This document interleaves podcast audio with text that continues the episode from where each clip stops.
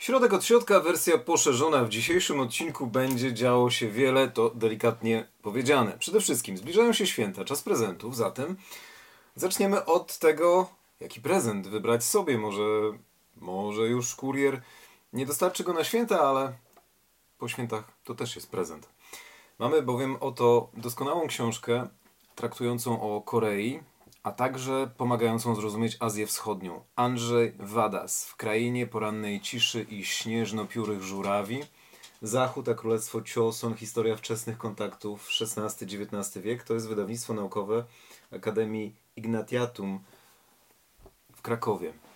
Dzięki uprzejmości wydawnictwa mam tę książkę, za co serdecznie dziękuję. Natomiast nie wpływa to na jakość recenzji. To jest książka doskonała. I jeszcze co najlepsze, autor zapowiada, że to dopiero pierwszy tom. Drugi jest e, w trakcie tworzenia. Ten miał powstawać 20 lat, jeżeli chodzi o koncepcję, i wskazuje na to, jak Zachód kształtował Koreę. Drugi ma być przedstawieniem sytuacji odwrotnej, jak Korea wpływała na Zachód i na cały świat, na resztę świata. To ponad 400 stron doskonałej roboty. To obecnie bez wahania mogę to stwierdzić, chwaląc wcześniej e, znakomite książki e, profesor Haliny Ogarek Choi bądź Cze i kilka innych także dobrze przedstawiających Koreę, to jest obecnie najlepsza pozycja po polsku o Korei. Jednej i drugiej, bo podział jest sztuczny i nowy wobec wieków tego, co na Półwyspie Koreańskim się mieściło. No i tego, co było krainą porannej ciszy, porannego spokoju, porannego brzasku, śnieżno-piórych żurawi, mianowicie jeżeli przyjeżdżano do, przybywano na Półwysep, to widziano mężczyzn w białych szatach poruszających się niczym duchy. Taki kraj z jednej strony przepiękny, z drugiej strony pozostawiający wiele do życzenia, jak twierdził Sieroszewski, podróżujący po tamtych stronach. Jeżeli już się widziało Japonię, krajobrazy Korei, które urzekałyby w pierwszej kolejności oglądane, w przypadku porównania posiadania takiego porównania wrażeń z Japonii już nie robią aż takiego wrażenia. Ale wciąż piękny kraj, który zyskał bardzo wiele różnych przydomków, trafnie tłumaczonych, nietrafnie tłumaczonych. To na stronie 151 autor wyjaśnia. Co dostajemy w środku? Tę książkę można by czytać na wizji, przez te wszystkie strony przechodząc. Siedem rozdziałów traktuje o poszczególnych elementach rozumienia kraju, w tym przypadku koreańskiego, i tamtejszej kultury, ale można je zastosować do wszystkiego, bo to taki stempel, matryca poznania. Jest o czasie, o religii, o pisaniu o takim kraju, czyli o kraju w oczach ludzi z zewnątrz, o władzy, o sztuce, estetyce. I wszystko jeszcze, e, każdy z takich rozdziałów mm, kończone jako, podsumowywane jako takie rozważania, spisane na podstawie źródeł, e, podsumowywane studium przypadku, które rzuca jeszcze inne światło, bądź może podsumowuje w trochę nietypowy sposób to wszystko, co jest zawartością każdego z rozdziałów. Powtarzam, doskonała książka, którą można kupować w ciemno. Nawet jeżeli się nie miało styczności z Koreą, to można właśnie dzięki temu mieć takie zderzenie, ale właśnie nie ze ścianą, tylko z miękką poduszką, która wchłonie i jeszcze wytłumaczy wszystko, co w takim kraju się mieści. A jeżeli wie się już trochę, to tym bardziej łatwo to będzie można zrozumieć i dopisać do tego, co się wie. Książki o Korei do tej pory są dość chaotyczne, bazujące często na stereotypach, które niosą szkodliwe wartości. Andrzej Wada z takiego y, procesu nie proponuje. U niego wszystko ma poparcie, jest wytłumaczone i co więcej, z tej książki, tak jak e, wspominałem, że Gorzki Triumf Jakuba Polita, który tutaj nawet go widać, o, tak w prawym dolnym rogu, ta książka, Gorzki Triumf o froncie chińsko-japońskim, cegła tysiącstrońcowa, która produkowała odniesienia do kolejnych cegieł, które teraz już do mnie jadą, niektóre z nich polecane w e, przypisach, to ta mniejsza cegiełka o Korei, no bo to książka ponad dwa razy chudsza od Gorzkiego Triumfu Polita, produkuje chyba jeszcze więcej powiązań, jeszcze więcej takich algorytmicznych rączek wyciągających się do tego, że jeżeli interesuje Cię o Korei to, to wtedy to, później tamto. I tak można sobie skakać przez niewiarygodnie rozszerzającą się wciąż liczbę źródeł. Wspaniałych książek, jeżeli autor poleca tworząc coś takiego. Kolejne dzieła to w ciemno można je brać. Poza tym zdarzają się tutaj takie momenty, na przykład rozdział o religii i władzy, że 20 stron zajmowało mi, żeby przeczytać treść ze zrozumieniem, zapisać sobie to w głowie, plus jeszcze sprawdzić te wszystkie przepisy i nacieszyć się tym, że one za kilka dolarów na eBayu w większości są do wzięcia. Dwie godziny. 20 stron, dwie godziny. Ale to jest czysta przyjemność. Ta książka jak się zbliża do końca, to się robi przykro. I teraz. Ponieważ można by czytać całość na wizji, tak jak wspominałem, nie będziemy tego robić, bo tyle czasu nikt by nie poświęcił oglądaniu, jak ktoś czyta, lepiej kupić sobie i przeczytać samemu. Mamy rozdział pierwszy, w studni czasu. I e, taki podrozdział, który nazywa się Wojna kalendarzy. Władca bowiem był władcą kiedyś. I to nie tylko dotyczyło Korei. Korea była bardziej chińska niż Chiny, bardziej konfucjańska niż sam Konfucjusz, co także stworzy nam rozdział do drugiej książki, ale to jak za chwilę dokończymy opowieść o tej, to będzie o byciu bardziej konfucjańskim niż Konfucjusz w wykonaniu koreańskim. Rolą władcy był nie tylko kontakt z przodkami i legitymizacja władzy, którą można było stracić jako mandat nieba, ale tworzenie czasu także. Czas mógł bowiem być rozciągany kiedyś do granic.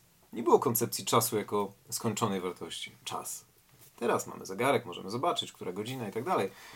Ale kiedyś cudzoziemiec włożony do krainy, gdzie czas jest pojęciem względnym, po co ma się przywiązywać do tego, co kierowało jego życiem wcześniej?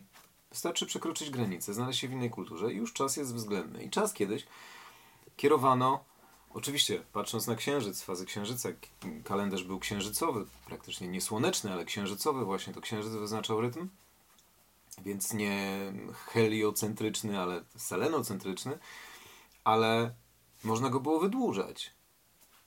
Czas miał nam służyć, nie my czasowi. Jeżeli coś się działo złego, a okresy czas został, był wykorzystywany jako też takie e, formowanie rzeczywistości, więc jeżeli trwał jakiś okres, ale był nam nieprzychylny, nie podobał nam się, można go było skończyć. Jeżeli jakiś czas przynosił nam sukces i radość, można go było wydłużać. Czas zatem był nierówny.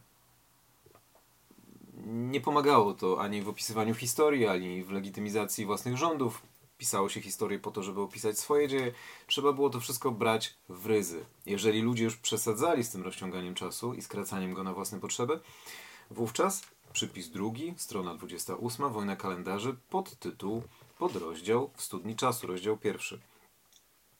W czasie, pas, w czasie panowania cesarza Wudi, to Chiny 141-87 przed naszą erą, wykształciła się tradycja liczenia lat za pomocą arbitralnych cezur, tzw. Tak nianhao, określanych na podstawie tzw. Tak magicznego potencjału. Rok mógł zostać wydłużony, jeśli był korzystny dla ludzi, mógł też zostać skrócony, jeśli obfitował w klęski i tragedie. W rezultacie doszło do chronologicznego chaosu, który w ten sposób uporządkowano, że Chińczycy zaczęli liczyć czas według panowania cesarzy. To też się dzieliło na różne podrozdziały tych cesarzy ale z czasem jeden cesarz, jedna era, później przyjęli to Japończycy w połowie XIX wieku, to co Chińczycy mieli już od kilku wieków wcześniej. No i y, strona dalsza, różne wymiary czasu. Pozbawiony zegarka cudzoziemiec nie wie, która jest godzina, jeśli sam własną pomysłowością do tego nie dojdzie. Nie musi być w tych obliczeniach dokładny. Zachodnie powiedzenie, że czas to pieniądz, nie ma u miejscowej ludności zastosowania. Czas w Choson, czyli w starej nazwie Korei na Półwyspie Koreańskim nie jest mierzony na jeden tylko sposób, ani też nie biegnie linearnie. I teraz mamy stronę 30. Modernizacja kraju, przyjęty kalendarz, e, modernizacja 1895 rok, król Kodziong i 17 e, dnia 11 miesiąca 504 roku od założenia panującej dynastii Yi w całym królestwie obowiązywać ma kalendarz gregoriański ujęty w 12-okresową dobę. 12 dwugodzinnych okresów według zodiaku. I tak godzina świni, 23 nasza, pierwsza w nocy, wcześniej godzina psa i tak dalej, cofając się, potem zaczynając od godziny szczura, pierwsza, trzecia w nocy i dalej.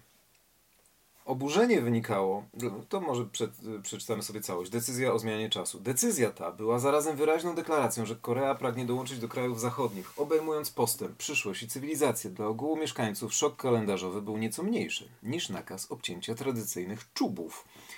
Wysokie czapki z końskiego włosia, tak zwane kat, które nosili e, Koreańczycy i noszą w e, K-dramach historycznych, pod tymi czapami, wysokimi kapeluszami były takie włosy związane w czuby. Nakaz obcięcia tradycyjnych czubów, wprowadzony i wykonany z nie mniejszą surowością niż strzyżenie brud bojarskich przez cara Piotra I, czy obcinanie mandżurskich warkoczy przez chińskich modernizatorów u schyłku dynastii Qing. Oburzenie wynikało nie tyle ze spektakularności samego przedsięwzięcia, co raczej z konsekwencji społecznych, które niosło choćby dla elit konfucjańskich. Wkrada się niepokój, odrywa się ludzi od podstaw, od tego, co tworzy ich życie.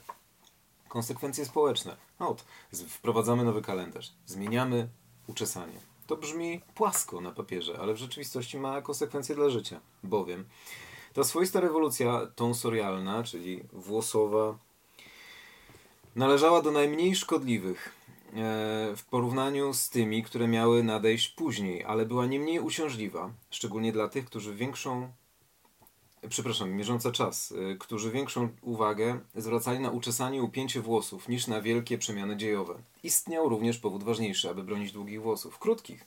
Nie można było zawiązać w supeł na czubku głowy, co symbolizowało wejście w wiek męski, jak postrzeżony u Słowian, czy w wymiarze duchowym przyjęcie tonsury przez zakonników. Zerwanie z tym odwiecznym zwyczajem zakłócało ceremonię przejścia z jednego etapu ludzkiego życia do drugiego. A przecież wszystko w Korei, jak i w Chinach i wszędzie w Azji Wschodniej, gdzie ten porządek chiński został nadpisany na wszystkie kraje, wynikało z kosmologii korelatywnej, gdzie władca był łącznikiem między górą a dołem, między ziemią a niebem. Był człowiek, ale jeden, cesarz i wszystko, co się działo, wpływało na to, co się tworzyło. Kosmologia korelatywna w praktyce wyglądała tak, że potem trzeba się było tłumaczyć z modernizacji. Historia Korei znana jest z tego, że stara, odchodząca dynastia nie jest mordowana przez zwycięzcę, strona 33. Jej członkowie nie są wycinani w pień, ale otrzymują zaszczytne stanowiska w nowej administracji, zaś córki stają się żonami przedstawicieli nowej władzy, w przeciwieństwie do piramid egipskich czy kurhanów cesarzy Kin... Odwrotnie literki. Kurhanów cesarzy chińskich. Groby koreańskich królów nigdy nie zostały splądrowane. Dlaczego? Bo Korea to kraj ludzi bardziej konfucjańskich od Konfucjusza, a podstawą konfucjanizmu jest cześć, pamięć o przodkach. Korea była krajem ludzi pamiętających, tak naprawdę krajem pamięci o zmarłych. Ludzie żywi byli na drugim planie. Pamięć o zmarłych była na pierwszym. Bez świadomości własnych korzeni człowiek przestawał być, przestawał być człowiekiem. Nie wiedział, kim jest i po co żyje. Tu jest tyle treści. Przepraszam, aż to sprawia wrażenie, jakbym się spieszył i jąkał, ale przez to tylko, że już wiem, że chcę iść dalej, bo tego jest naprawdę tyle. E, autor mm, proponuje nawet takiego rodzaju myślenie, że w sytuacji kryzysu, wtedy kiedy my tutaj już szukam takiego cytatu, ale nie znajdę go na czas. Powiem to z pamięci. Pamięć o przodkach zawierała się oczywiście w grobach. Grobu się nie weźmie ze sobą. Pamięć o przodkach, którą można wziąć ze sobą poza tym, co ma się w głowie i ewentualnymi skremowanymi pozostałościami bądź kościami przodków, e, leżała w tablicach genealogicznych. I to je się brało pod pachę, jak się dom palił. Nie ratowało się dobytku, ratowało się pamięć o przodkach. To są niezwykłe rzeczy, które dają do myślenia. Cesarz, dalej jako zwornik kosmologii korelatywnej, tworzył sposób myślenia o, o rzeczywistości. Idziemy dalej, skacząc do rozdziału czwartego, które nazywa się przepięknie Pięcionożne naczynie ofiarne.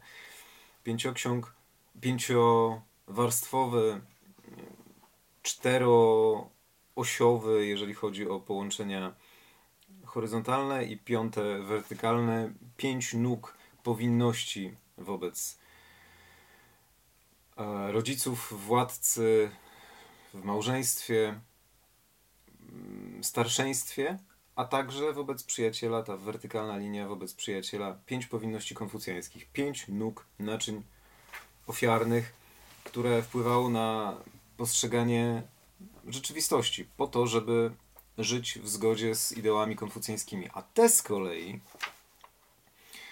a te z kolei, to jest strona 211, konfucjanizm głównie pamięć o kościach przodków, grup przodków w królestwie Cioson, czyli w Korei, jest ważniejszy niż dom żywych, a sami żyjący jawią się nam jako cienie umarłych. E, przypis 97, strona 211, Fairbank w Chinach ale to co chińskie szło do Korei. Na, nizinach, na nizinnych północnych Chinach najbardziej uderzającym widokiem są kopce grobowe, które dostojnie stoją na prawie każdym polu. Oczywiście świadectwo miłości synowskiej, ale też ofiara z ziemi. To daje duży, duże pole do uruchomienia wyobraźni. Ofiara z ziemi. Dlatego, że każdy skrawek ziemi był cenny.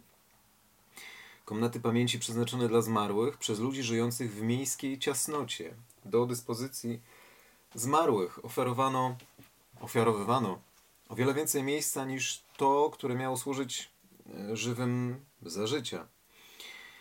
Przypis 98. Życie musi być bardzo cenne dla ludzi, którzy tak bardzo starają się wymusić na swoich potomkach dbanie o pamięć po nich, jakby nie chcieli utracić kontroli nad miejscami i narzędziami swojej działalności.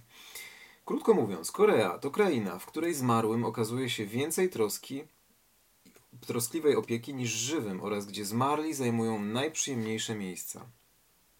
To również daje do myślenia. I teraz, jakie ma to konsekwencje dla świata dzisiejszego? Dalej strona 211, tylko cofamy się o dwa akapity. Tyrające od świtu do nocy w korporacjach dzieci nie mają czasu na zorganizowanie, zorganizowanie pogrzebu ojca, o tradycyjnej trzyletniej żałobie nie wspominając. Zdarzały się przypadki najwyższych rangą urzędników państwowych, jak chociażby wspaniały chiński dyplomata Li Hongjiang, który dwukrotnie przechodził trzyletni okres żałoby konfucjański i upierał się w momencie, gdy e, cesarz nie chciał mu ułatwić zadania. No, tak naprawdę cesarzowa wdowa wówczas Cysi. To, to już zbliżamy się do końca e, dynastii Qing. Z trzech lat do stu dni on był potrzebny, był ważnym ministrem, trwały procesy otwierające Chiny na świat. A on na trzy lata, zgodnie z konfucjańską tradycją, chciał najpierw uczcić pamięć swojej matki i to nawet nierodzonej. Tylko tej, która go wychowała. Przybranej. Niezwykle ważne rzeczy. Co dalej? Jeden z, jedna z wojen krótkich tak zwanymi poganami, czyli podczas otwierania się na świat zachodni, zagraniczny w 1867 roku grupa awanturników zachodnich, którym przewoził Ernst Oppert, przedsiębiorca i dyplomata z Hamburga, postanowiła zaszantażować ówczesnego regenta Teonguna, wykradając z Kurhanu, który znajdował się w powiecie Yesan w południowym Chungcheong, zwłoki jego ojca. I później sam ten łotrzyk Opert Herscht bandy Napisał książkę, w której tłumaczył akt zbezczeszczenia zwłok koniecznością obrony chrześcijaństwa i wolnego handlu. Ale krążące po kraju pamflety po Korei porównywały zachodnich barbarzyńców do pozbawionych moralności zwierząt. Nauka konfucjańska zakłada, że istotą człowieczeństwa, jesteśmy na stronie 212, jest moralne życie. Mencjusz uważał, że kiełkuje ono w człowieku z czterech zarodków. Współczucia, które jest oznaką ludzkiej życzliwości, wstydu, który wynika z obowiązku, szacunku, który jest związany z rytuałem oraz umiejętnością odróżniania dobra od zła, która jest oznaką mądrości. Konfucjanizm w działaniu najlepiej symbolizuje żałoba po śmierci rodzica. Jest to tym bardziej sugestywne, strona 214, że kiedy zakładano linię telefoniczną, pierwszą w kraju, koreański król pierwsze połączenie chciał mieć z grobami przodków. Stąd istnieje pogląd, nie mam telefonu, bo telefonem nagrywam, że jeżeli coś dzwoni, odbiera się mówiąc jeboseo, jeboseo, co w praktyce oznacza kochanie jestem. No bo do żony chciał zadzwonić, która już nie żyła. Trochę miejska legenda, trochę nie. Zachodnie koncerny ubiegające się o koncesję na, wycie, na, wydobycie złota ze zdziwieniem zauważały, że Koreańczycy nie wyrażali wcześniej zainteresowania tymi skarbami ukrytymi w ziemi, gdyż obawiali się naruszenia spokoju zmarłym. Konfucjanizm jest religią zorientowaną na przeszłość. Domy są tymczasowym schronieniem. Strona 215. Groby zaś wiecznym domem. To co ma pierwszeństwo? Wieczny dom czy tymczasowe schronienie, idąc z tą logiką? Stąd w tradycji koreańskiej nieznane było plądrowanie kurhanów, nawet jeśli spoczywający w nich władcy nie zapisali się dobrze w zbiorowej pamięci narodu. To jest niezwykle dające do myślenia. Kościół katolicki, który do XIX wieku próbował przekształcić Koreę, był tym, który schodził do podziemia z konieczności, który był zawsze na niższym polu. Dopiero później, w XIX wieku, i kojarzył się z cierpieniem, brudem, przegraną walką, której nie można było wygrać. Dopiero później, XIX wiek, kiedy trzeba się było modernizować, przed protestantyzm, o zerowej tolerancji na konfucjanizm, ale z kolei protestantyzm kojarzył się z sukcesem, modernizacją wspominaną, postępem. Stąd dobrze kojarzy się do dziś. Oczywiście, chrześcijaństwo zarówno w katolickiej, jak i protestanckiej odmianie, strona 216, niosło zagrożenie dla miejscowej władzy, kwestionowało porządek polityczny. No, trudno było z tym polemizować. Strona 224. Synkretyzm religijny po koreańsku. Bardzo możliwe, to jest 21 minuta nagrania, że e, komórka, mimo że jest dość dużo wolnego miejsca, stwierdzi, że jednak koniec, ale wtedy zrobimy sobie odcinek pierwszy, bo jeszcze druga książka czeka. Więc jakby co, nagły koniec, przepraszam z góry. Sfera religijna cywilizacji koreańskiej miała wymiar synkretyczny, strona 224. Szamanizm, buddyzm, konfucjanizm i taoizm przenikały się nawzajem podczas ceremonii pogrzebowej. Ponownie, pogrzeb. Kwintesencja. Żałobnicy byli ubrani według norm konfucjańskich, które regulowały kolor i krój szaty żałobnej. Modlitwy za zmarłego odmawiali mnisi buddyjscy. Szamani troszczyli się o kontakt między żywymi i zmarłymi, a taoistyczni geomenci wskazywali właściwą lokalizację grobu i nikomu nic nie przeszkadzało. Jeszcze, kiedy na rodzinę, rodzime mesjanizmy nałożył się jeszcze mesjanizm chrześcijański, doszło w Korei do swoistej eksplozji sekciarstwa religijnego, które rozsadzało tradycyjną kulturę. Stąd mamy później powstanie Tonghaków, wschodniej nauki, która miała być tą ostoją w przeciwieństwie do zalewu zachodniej. Chrześcijaństwo ukazało Koreańczykowi inny wymiar rzeczywistości nadprzyrodzonej Nauczyło go patrzeć z nadzieją w niebo i ze śmiałością w przyszłość, bo wcześniej te kategorie nie istniały. Pyongyang to samo miejsce, które teraz jest siedzibą Kim Jong-una i miejscem wszelkiego zła w Korei Północnej w rozumieniu mediów, było kiedyś uważane za Jerozolimę Wschodu, ale wcześniej za Sodomę Wschodu, którą słusznie Japończycy w bardzo krótkiej, kilkugodzinnej bitwie podbili dając nauczkę chińskim wojskom w 1894 roku, stacjonującym wedle Japończyków nielegalnie na terenie Półwyspu Koreańskiego. Ślizgamy się zaledwie po tematach. 248 strona. Porównanie tego, jak podchodzono do Chin, a jak do Japonii. Na określenie Y, kalendarz, czas. Z Chin władcy koreańscy corocznie otrzymywali też nowy kalendarz, który regulował zarówno sadzenia ryżu, jak i pielęgnowanie grobów. Wszystko nam się łączy. Oraz kodeks karny Mingów, który, który obowiązywał w kraju do reform 1894 roku, wymuszonych przez Japończyków. Na określenie owej szczególnej więzi z Chinami koreańscy uczeni używali terminu sade, sate, co wskazywało na służbę większemu krajowi z powodu szacunku dla jego kultury. I to było znakami sprawa, tak jak koto i duży. Szacunek dla większego kraju. Dla porównania stosunki z Japonią określono jako sąsiedzkie, co prawda, oczywiście, Kyorin. Przy czym ten termin był podszyty pogardą. Co dalej? Dalej, zaraz się to już kończy w tym odcinku. 245 strona. No to musimy się cofnąć. To była 248. Niezwykle ważna sprawa. Jednym z kluczy do zrozumienia tej wizji świata, koreańskiej państwowości, było przekonanie, że niebo jest racjonalne, świat moralny, rozum ludzki potrafi te prawdy zgłębić. Konfucjanizm. Człowiek może zatem odwzorować na ziemi moralny porządek, który jest we wszechświecie. Korea była bardziej konfucjańska niż Chiny, dlatego ten parasol większego brata mógł być roztoczony nad Koreą. Nie trzeba było podbijać Korei, bo oni zasłużyli na bycie uznanym całkowicie jako ten młodszy, dobry brat. Rozumny. nie barbarzyńca, chcący się uczyć. Wierzono w możliwość przekształcenia świata w jedną wielką rodzinę opartą na zrytualizowanym porządku oraz na pięciu więziach, czterech horyzontalnych, jednej wertykalnej, to co wspominałem. Wiara w uniwersalność tego ładu prowadziła do przekonania, że w przyszłości nawet barbarzyńcy staną się jego częścią, co miało nastąpić w dwóch etapach. Najpierw poprzez związanie z Chinami trybutem za pomocą siły, następnie zaś przez podbój kulturowy. Zwornikiem tego polityczno-filozoficznego porządku świata miał być tron smoka w Pekinie, czyli cesarz. I bardzo ważne, nie było potrzeby na przykład przypis 19, strona 244. Koreańczycy byli bardzo zaskoczeni, kiedy kapitan Hall e, w momencie otwierania połowa XIX wieku nie był w stanie odczytać listu napisanego znakami chińskimi, uważali bowiem, że jest to pismo uniwersalne. Nie było potrzeby nacjonalizmu, bo nie było mowy o alternatywnym porządku dla Chin. Nacjonalizm w Chinach, to co robił e, Sun Yat-sen, jest nawet błędnym pojęciem. Nie chodziło o nacjonalizm, chodziło o państwowość, narodowość, ale wcześniej w, z pozycji myślenia konfucjańskiego to nie miało sensu i potrzeby, bo był tylko jeden kierunek środek. Od środka. No, piąty kierunek świata. Środek. Nie było potrzeby tworzenia nacjonalizmu, bo cesarz był tym zwornikiem kosmologii korelatywnej.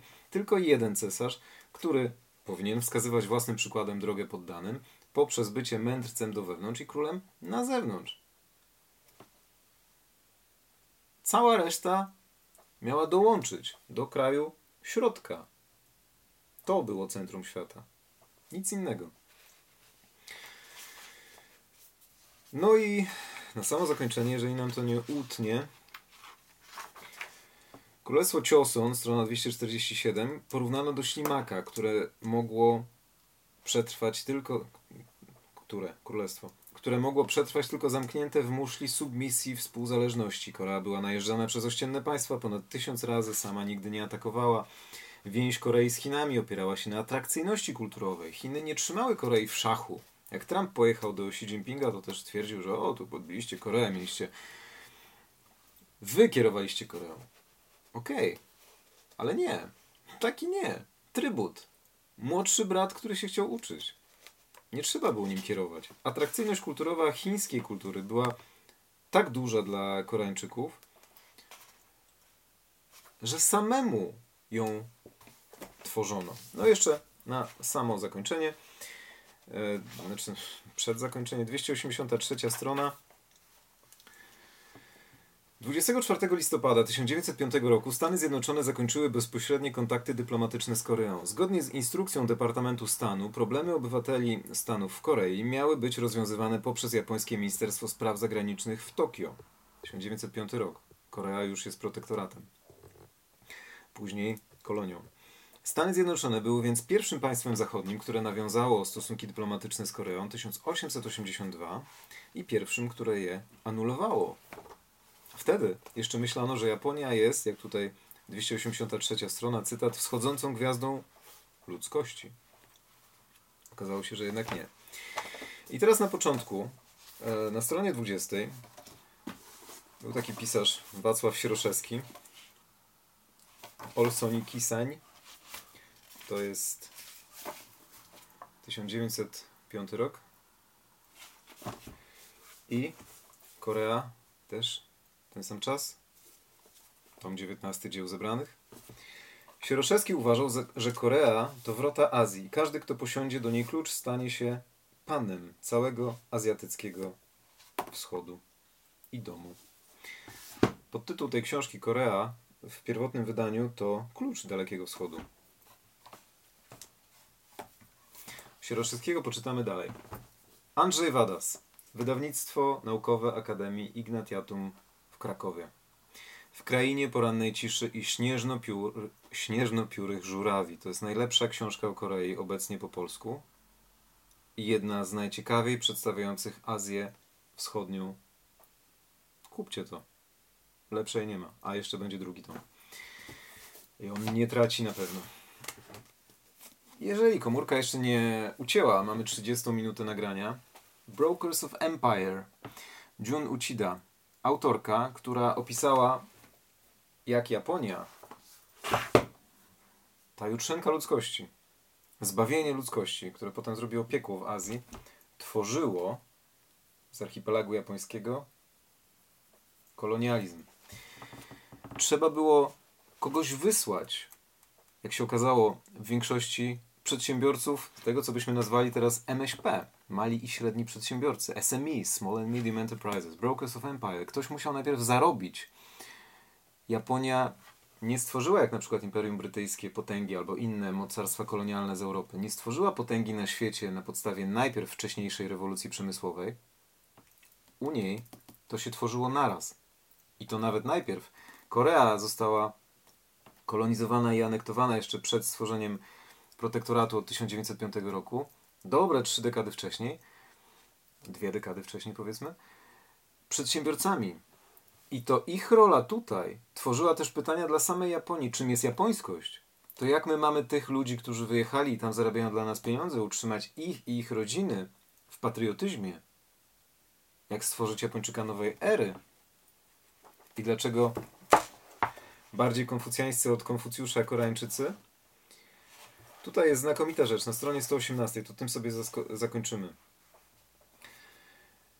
Koreans as faithful custodians of Confucian tradition, czyli Koreańczycy jako ci wierni strażnicy konfucjańskiej tradycji, tended to view Japanese people culture and literature as rather shallow and flimsy. Dla nich japońska kultura Japończycy mieli niskie wartości, mieli, przedstawiali sobą niski poziom, ubogi, powierzchowny wobec tego, co dawał konfucjanizm. Assimilating to Japan is more difficult than assimilating to modern civilization for Koreans. To była bolesna prawda, do której doszedł japoński rząd. Że asymilowanie się z Japończykami jest trudniejsze niż otwieranie się dla Korei na zachód. Zachód był ciekawszy niż sama Japonia. Japonia nie miała nic do zaoferowania dla Koreańczyków. Wobec tego, co ten wielki brat dawał przez wieki. A to już było pytaniem prawie jak z Tytusa Romka i Atomka. Jak uczłowieczyć tych, których uważano za podludzi, niezdarnych leni, o dwóch lewych rękach, o tylko lewych rękach. Tak postrzegano Koreańczyków, brudnych, śmierdzących, degenerate country, w zdegenerowanym kraju. A ci z kolei z Wielkiej Japonii mieli dać wszystko. Tylko praktyka była trochę inna. Brokers of Empire, John Uchida, to znakomita rzecz. Nagradzana to jest wycinek tego pełnego obrazu. Główny temat na dziś? Oczywiście prezenty mogą być dwa. Ale główny temat na dziś w krainie porannej ciszy i śnieżnopiórych żurawi Andrzej Wadas. Znakomita książka. Nie ma co się zastanawiać.